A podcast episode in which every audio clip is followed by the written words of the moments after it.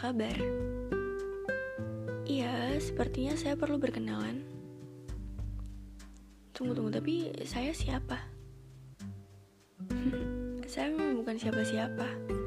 Saya hanya anak pertama dari orang tua saya. Pelangi putih. Sepertinya lucu. Mana ada pelangi putih? Saya hanya ingin menggambarkan bagaimana pelangi yang gagal memberi warna indahnya. Sempatkan waktumu untuk mendengar keluhan makhluk ini ya.